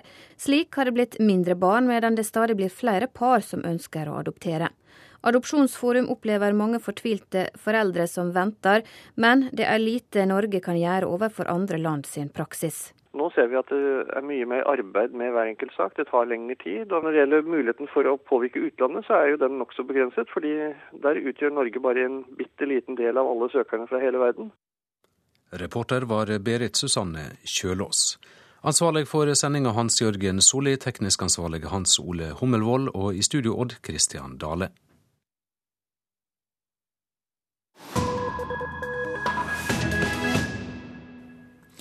Og Nyhetsmorgen eh, fortsetter.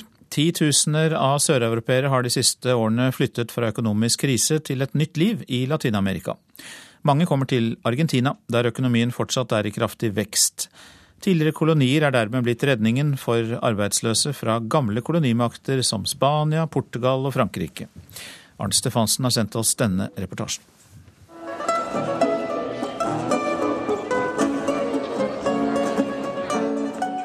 Det berømte tangomarkedet i bydelen San Telmo i Buenos Aires har lenge vært et møtested for folk fra hele verden. Og de siste årene har den argentinske hovedstaden fått besøk av enda flere utlendinger. Ikke bare turister, men også ofre for den økonomiske krisa i Europa. Era imposible. Yo me dije, no puedo quedarme en Francia ahora. Det var umulig å få jobb hjemme i Frankrike, sier den 30 år gamle reklamekonsulenten Margot de Berthier fra Paris. Jeg søkte utallige jobber uten hell, og bestemte meg til slutt for å dra til Buenos Aires fordi jeg snakker godt spansk, og fordi dette er en svært europeisk by. Og her fikk jeg jobb etter kort tid, sier en fornøyd 30-åring.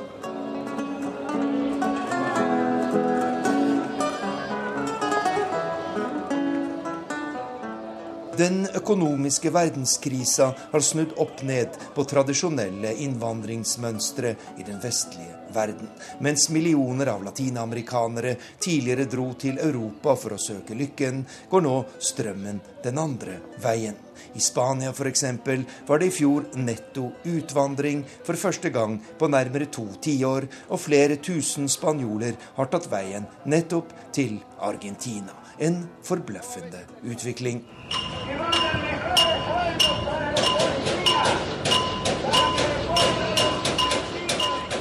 Argentina for ti år siden. Fortvilte mennesker demonstrerer foran en bank i Buenos Aires for å få ut sparepengene sine etter at landet har gått dundrende konkurs.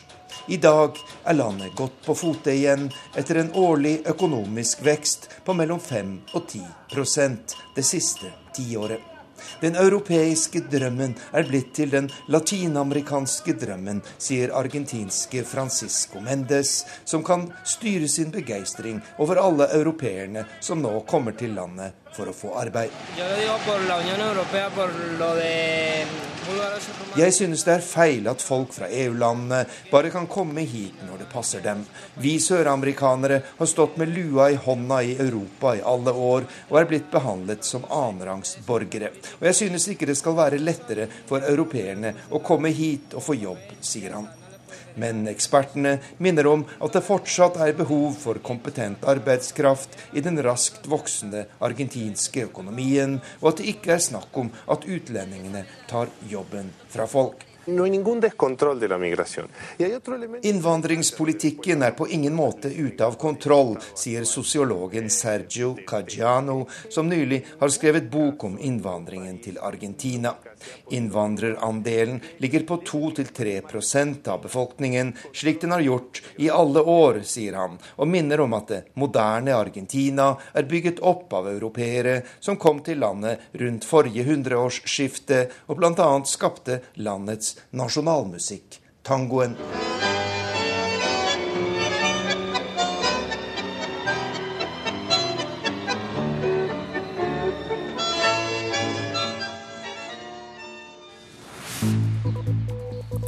Ja, Du lytter til Nyhetsmorgen, vi har disse hovedsakene. Jakten på de skyldige etter fotballtragedien i Egypt er i gang. Voldsbølgen i Malmö gjør innbyggerne sinte og redde. Og det er rekordlang ventetid på adopsjon. En familie i Haram ventet i nesten seks år. Stygg ordbruk i Politisk kvarter i dag, Bjørne Myklebust. Eh, Anette Trettebergstuen sier det ble ropt hore til henne i en LO-demonstrasjon utenfor Stortinget. Trettebergstuen spiller sexkortet, sier Torgny Hasås i LO Aktuelt, som mener ingen kan bekrefte Trettebergstuens historie. Er dette kampen om vikarbyrådirektivet som fortsetter, med alle midler?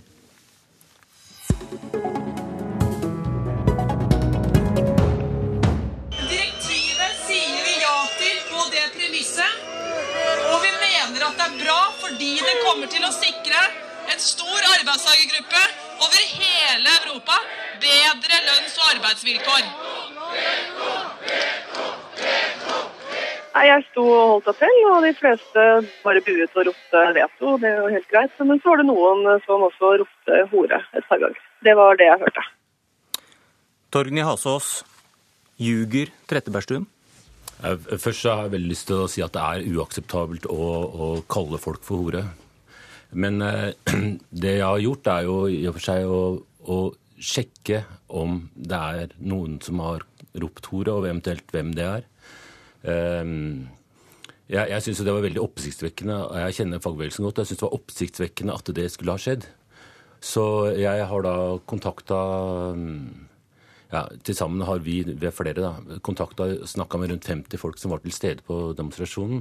Og vi har ikke no, funnet noen andre enn Trettebergstuen som har, kan bekrefte at det ble ropt hore. Og da ljuger hun? Nei, det, jeg vil ikke bruke sånne karakteristikker. Hva mener du med at hun spiller sexkortet? Nei, Når eh, hun uh, bruker ordet, eller sier at hun blir kalt hore, når hun går ut med det, så, så bringer hun sex inn i debatten. Og det er i og for seg like alvorlig å kalle folk hore, å, eller å beskylde folk for å kalle seg hore, som å kalle hore sjøl. Hvorfor gjør hun det? Nei, det Du skriver noe om det? Ja, altså, altså det virker iallfall som eh, om eh, det er en del av den politiske kampen. Men mitt viktigste anleggende er vel egentlig hvordan Dagbladet og VG bruker dette politisk, da, med å stigmatisere motstanderne av eh, av vikarbyrådirektivet. Hold kjeft, idioter, er overskriften din. Sikter du til noen her i studio? Ja, Hold kjeft, idioter var jo Fridtjof Jacobsens uh, tittel, så det var jeg bare brukte den om igjen. Fridtjof Jacobsen, Jacobsen, kommentator i VG, han stjal din tittel, for uh, det var du som ba noen holde kjeft her? Ja, og det var de som ropte hore til uh, Anette Trettebergstuen. Sånne folk mener jeg burde holde kjeft, og de er også idioter. Men var det noen som ropte hore? Anette Trettebergstuen uh, har fortalt at hun hørte det. Jeg har ikke noe grunn til å tvile på det. Jeg syns det er rart i denne saken at uh, når en uh, kvinnelig stortingsrepresentant går ut og møter en folkemengde, og hun sier, som vi også har skrevet, at det var noen ikke alle, ingenting. Det har i hvert fall ikke vi skrevet i VG. Det var noen som ropte hore til henne. Eh, så er det uakseptabelt. Men Hasås har sjekket det, og ingen kan bekrefte det? Det var to, to, over 2000 mennesker der, og så har han snakka med 50. Det kan ha vært eh, noen få et eller annet sted i mengden. Det var jo mange andre som ropte òg. Eh, I min kommentar så er det ikke noe, ikke noe angrep på fagbevegelsen eller sånne ting. Jeg mener, men jeg bare mener at hvis vi skal unngå at kvinner da, som ytrer seg og sier hva de mener skal bli trakassert. Og det er faktisk et ganske stort problem eh, i offentligheten. De får mye dritt, rett og slett, for å si hva de mener. Så uh, må man ta et oppgjør med det når det skjer der og da. Og jeg syns viljen i LO Oslo etter dette her har liksom ikke vært til å ta det oppgjøret ordentlig og ta det på alvor. De prøver heller å si at ja, er det noe så sikkert, og hun kan ha hørt feil, og så legger de hele bevisbyrden for, for å liksom bare bli trakassert over på hun som har blitt trakassert. Da. Det reagerer jeg på. Men eh, altså, jeg har jo da prøvd å sjekke det. Jeg kjenner eh, miljøet veldig godt. Det har vært, jeg har jobba i fagbevegelsen i mer enn ti år. Og jeg vet veldig godt at de aller, aller, aller fleste der ville ha reagert spontant og stoppa hvis det hadde blitt noe horeroping. Og det ville da blitt ganske fort kjent i miljøet hvis det hadde skjedd. Det er ganske spesielt. Da, da sier du egentlig rett ut at du mener Anette Trettebergstuen lyver. Det er det du sier. At hun har funnet på uh, og på en måte funnet på at noen skal rope ropt til henne for å skade dere. Jeg syns det er en veldig spesiell eh, påstand. Den bør du ha godt belegg for, for å si det sånn. Ja, jeg har jo ikke henne, sagt at hun ljuger, men Det er jo det, det, er det du har... sier. Du sier at hun har hørt feil eller finner på. Du må, altså, kan du ikke bare si da, at du tror hun ljuger? Det er mye lettere, eh, så er du i hvert fall ærlig om det. Men altså, det er jo veldig rart at det er ingen andre som har hørt det. Ja, hvorfor er det det? Ja, altså, jeg, jeg, jeg, hadde da ti kolleger, minst, som var til stede her. Og de var spredd rundt omkring. De, de sto rett ved siden av henne. Jeg snakka med de, eh, de, som eh, Og de sto andre steder på Stortinget den dagen. Og jeg har også, også snakka med, med, veldig mange av de som var medappellanter, og de som leda møtet. Og det er eh, Ingen kan bekrefte Trettebergstuens historie. Men, det, men, eh, men, hun sier at hun har hørt det. Eh, og hun har hørt det når hun går ut og møter en demonstrasjon som er arrangert av LO Oslo. Jeg synes det er bare én måte å håndtere den saken på. Det er å si at dette tar vi på alvor. Vi skal prøve å finne ut hvem dette var. Hvis noen roper hore Vi har prøvd å finne ut hvem det er, og ikke vært mulig at det har skjedd engang. Ja. Hele reaksjonen på dette fra første stund har Nei, vært at ikke, Trettebergstuen må ha hørt feil. Hun ljuger. Det har, vært, det har vært reaksjonen. Fordi at reaksjonen er jo først og fremst at, at dette er uakseptabelt å, no, å, kalle hore, og at folk har prøvd å finne ut hvem det var. Men det er ingen som har hørt det. Men altså, hvis, hvis det da er noen få, som Trettebergstuen sier, så er det vel ikke så mange som kanskje er interessert i at det skal være bildet av, eh, av LO. Og da sier de kanskje ikke sannheten når du spør dem heller? Er det en mulighet? Nei, det er helt uaktuelt. Altså, altså, fagbevegelsen består av ordentlige folk, og de er ikke interessert i å få slik slike stempel på seg. Du har, eh, har Jacobsen, mener du, og Simonsen i Dagbladet som, som, skriver om dette, politiske motiver? Ja, i hvert fall Simonsen. Hvis du leser den, den, den kommentaren hennes på hvilken dag var det, tirsdag, så, så, dreier den seg først og fremst Først så stigmatiserer hun vikarbyrådirektivtilhengeren, motstanderne. Og så tar hun og går gjennom hele argumentasjonen til Arbeiderpartiets stortingsgruppe for direktivet. Og så avslutter hun med at Se her hva slags idioter disse vikarbyråmotstanderne er. Svaret ditt er garantert nei på det, Jacobsen. Men kan du si noe om hvorfor reaksjonen blir så sterk fra LO i denne saken?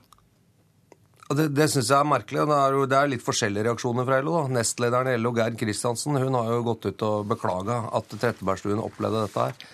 Men eh, jeg tror kanskje at eh, Nei, vet du, jeg skjønner det faktisk ikke helt. Min agenda har vært, eh, uansett hvilken sak det er, at eh, når en gruppe står sammen, og noen roper hore, så må man ta affære. Så enkelt er det. Det har ikke noe med politikk å gjøre, det jeg har skrevet. Torgny Halsås, Fridtjof Jacobsen, takk for debatten.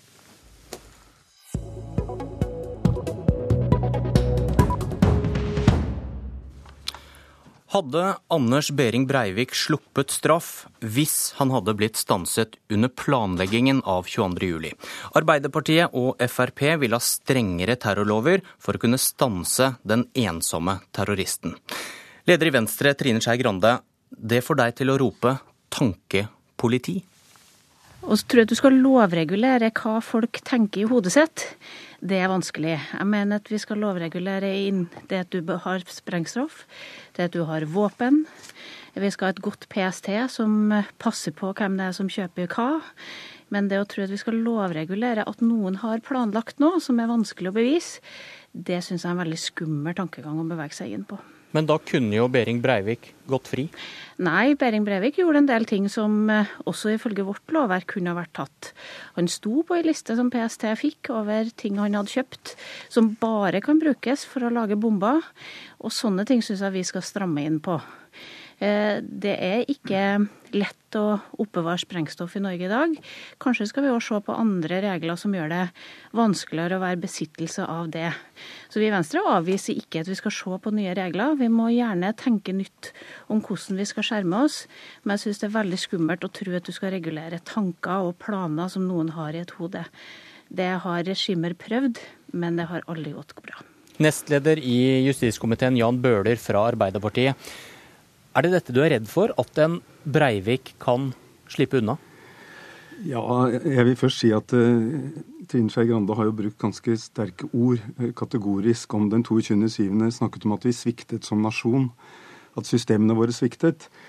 Og da venter jeg også at når vi skal se på hvordan vi skal forbedre systemene, så skal vi ikke gjøre det i hui og hast. Vi skal bruke tid. Her er det snakk om å lage et lovutkast som vi skal sende på høring, hvor vi har understreket at vi skal ta nødvendige hensyn til personvern osv. Og det det handler om her, er jo at eh, f.eks. Al Qaida og andre av terrormiljøene lenge har sagt at man skal ikke operere i nettverk. Man må operere alene for å kunne drive, planlegge en terrorhandling uten å bli tatt. Og vi har jo sett at mange av de alvorlige terroranslagene, ikke bare i Norge, men også i Sverige, bomben i handlegata der, bombe på hotellet i København, sprengstoff man prøvde å få om bord på flyet i London, har vært gjort av soloterrorister, altså ikke nettverk. Og de fleste andre land i Europa, altså f.eks. Sverige og Finland, har lovbestemmer som at hvis man forbereder, planlegger terror alene og går over en viss terskel, så rammes det av terrorlovgivningen på samme måte som det er i nettverk. Hva frykter du da kan komme til å skje hvis Grande får det som hun vil? Jeg frykter at vi blir for lite i stand til å eh, også kunne stoppe de som plan er soloterrorister. Det vi nå har sett altså de siste anslagene i skandinaviske land, og sett nå de fleste tilfellene i Europa, at de har skjønt at de ikke skal være i nettverk, enten de ligger på hvilken eh, side av skalaen terroristene ligger politisk. Og vi må kunne være i stand til å følge med, gripe inn i tide, for ikke å eh, utsette befolkningen for forferdelige hendelser. Og det er jo ikke snakk om Det, det vi vil ha, er jo en klar terskel. Forberedelsen må være kommet til et langt punkt. Altså Det må være en terskel for når man skal uh, kunne tas for dette. her. Og tankepolitiet som snakkes om her, er jo ikke noe med forslaget å gjøre i det hele tatt. Eh, PST, politiet, skriver i sitt brev at eh, det må, eh, i praksis vil man komme svært nær en fullbyrdet terrorhandling før straffbarhetsvilkårene er oppfylt. Altså Det må være mange forberedelsesfaktorer til sammen som viser dette bildet.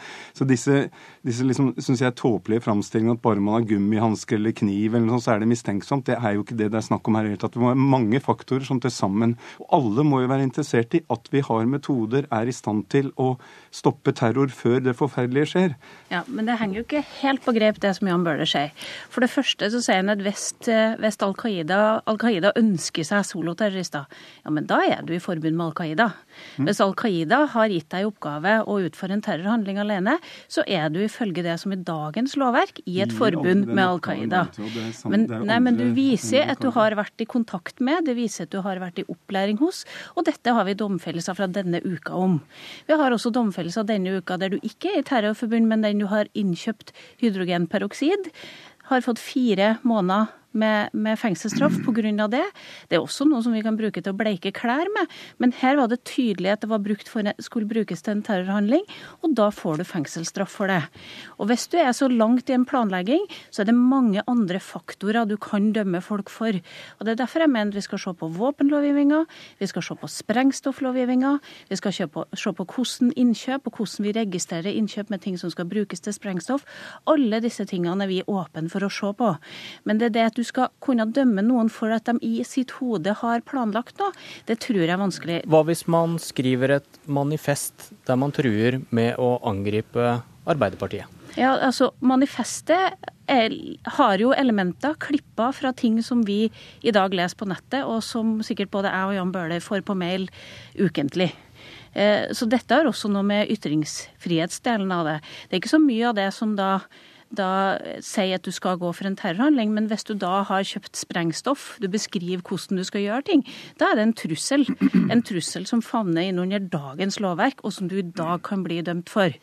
Så vi har ganske gode lovverk, og vi er åpne å se for hvordan vi skal klare å gjøre det bedre. Men man nevner et eksempel. For en stund siden så hadde vi en terrorhandling i Belgia, der en mann satte seg inn i bilen sin og kjørte inn i en folkemengde ved dronninga i protest mot dronninga. Det er veldig vanskelig å kunne bevise at han hadde den tanken, når han hadde den tanken, og når han liksom skulle gjøre det. Så det å tro at vi gjennom en begrensning av liksom innenfor soloterroristbegrepet, så skal vi klare å styre de tankene til å kunne gjøre dem straffbare, det tror jeg er en vanskelig vei å gå, og det er en skummel vei å gå. Men eh, jeg syns det er litt synd at Venstre så tidlig går ut her, før de har fått sett høringssaken, sett hvordan vi tar, eh, ivaretar personvernet, og også sett hvordan det vil være en terskel for faktiske handlinger, faktiske forberedelser, som går langt eh, i retning av at handlingen faktisk skal begås. At man nesten er på vei med bomben. Og hvis man ikke skal kunne da dømmes for forberedelse, planlegging av terror, at politiet kan kunne følge de de forberedelsene en, med andre metoder enn de har i dag, så er vi eh, sårbare som samfunn. Ja, altså, Jeg mener at vi har et godt lovverk i dag. Vi er villige til å diskutere nye ting. Problemet er at de dokumentene som Bøhler nå sitter foran oss, er sladda fra PST. De vil ikke fortelle alle argumentene sine. Vi vil gjerne diskutere nye lover, men vi tror ikke at vi skal gjøre det før, før røyken har lagt seg. Vi ser på USA og vi ser på England hvordan de nå angrer på det de har gjort, fordi at det bryter med grunnleggende borgerrettsprinsipper og grunnleggende personvernsprinsipper. Takk Trine Skei Grande og Jan Bøhler. Syns du denne debatten var interessant? Skru på P2 på lørdag også. Du har hørt en podkast fra NRK P2.